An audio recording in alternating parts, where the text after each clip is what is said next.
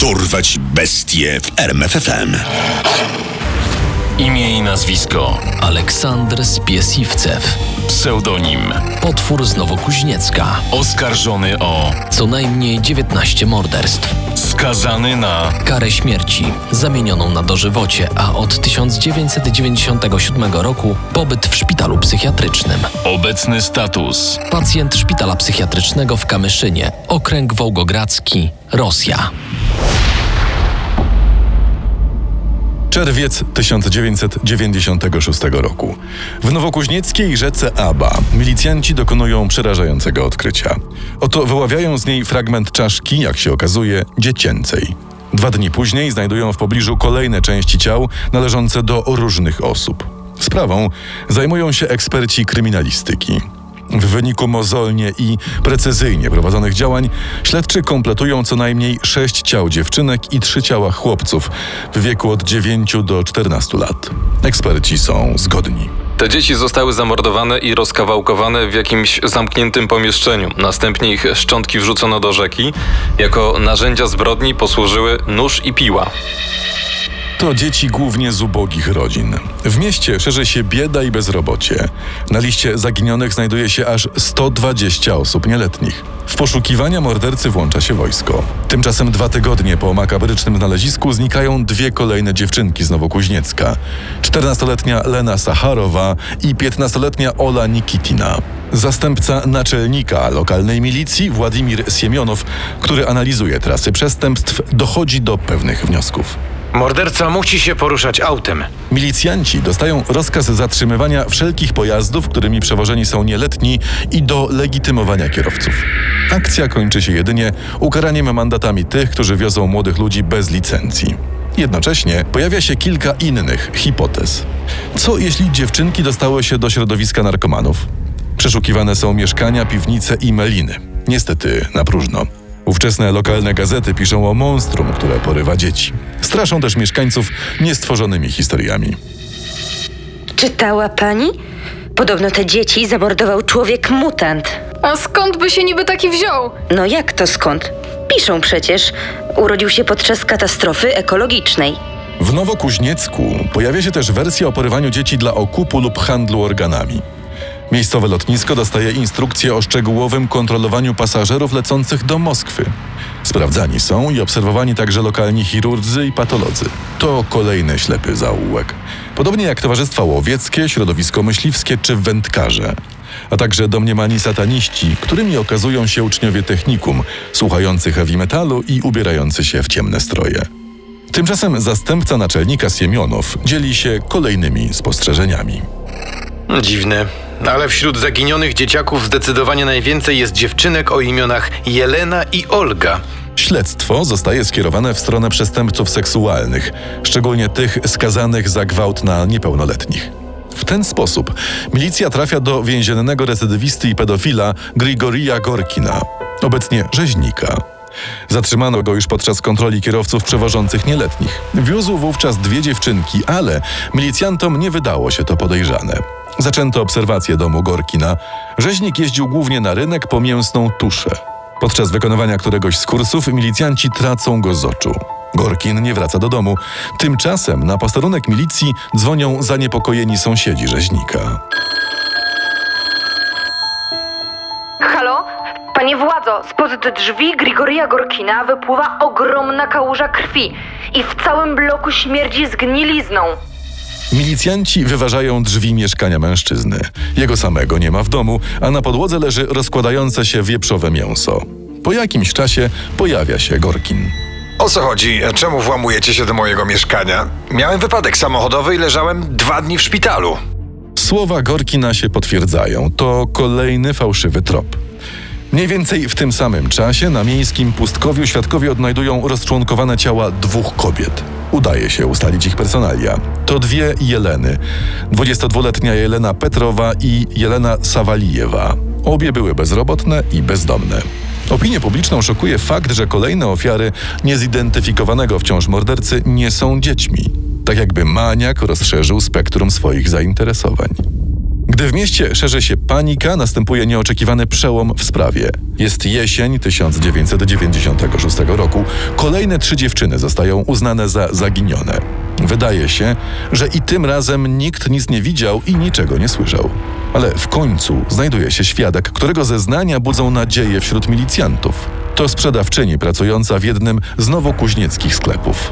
Te dziewczyny były u mnie w sklepie, kupiły butelkę wody.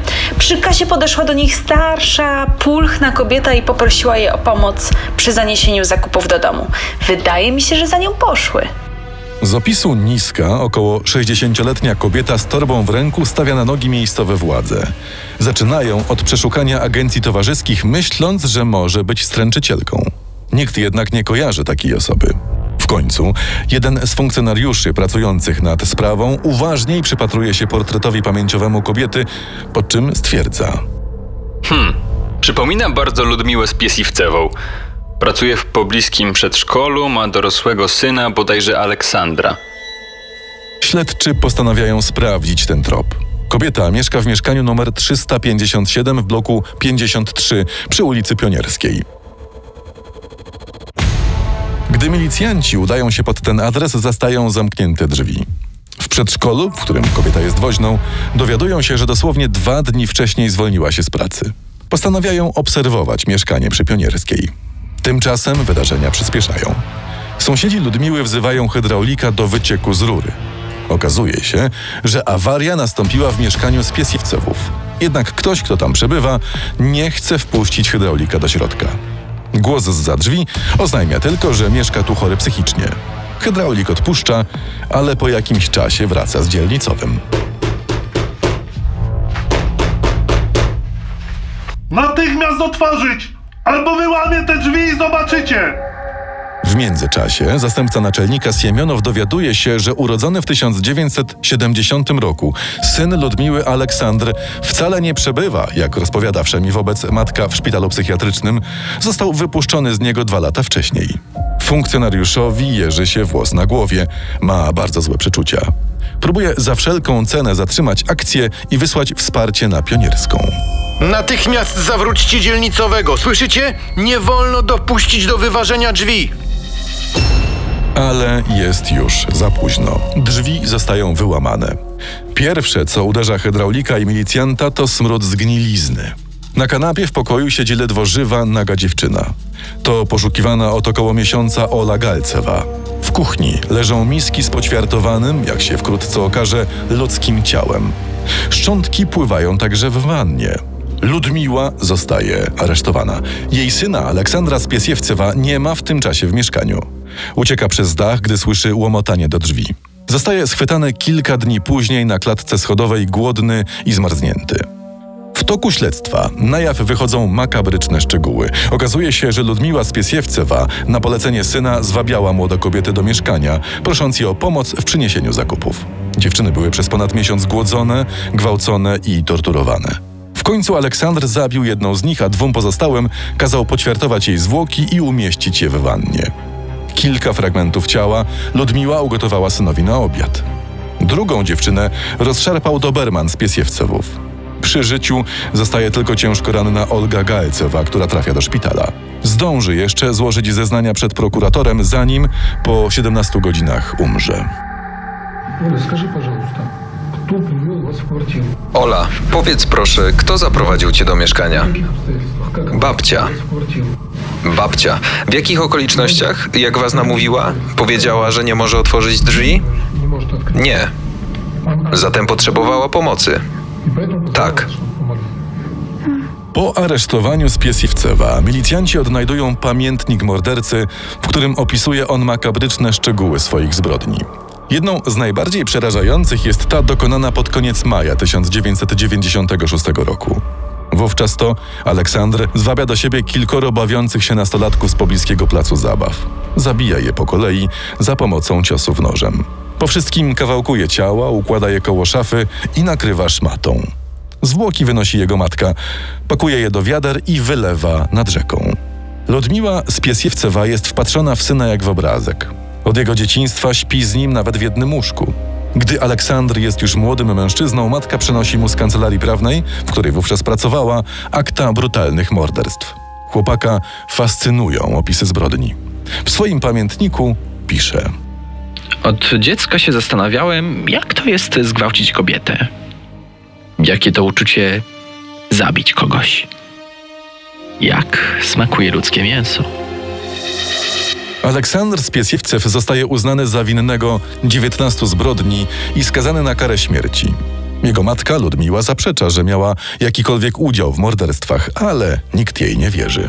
No przecież, że jestem niewinna. Gdybym wiedziała, co robił Sasza, to nigdy bym do tego nie dopuściła. Podczas procesu zostają przedstawione liczne dowody na to, że Spiesiewcewa nie tylko zwabiała do domu ofiary syna, ale niekiedy nawet przygotowywała z nich posiłki.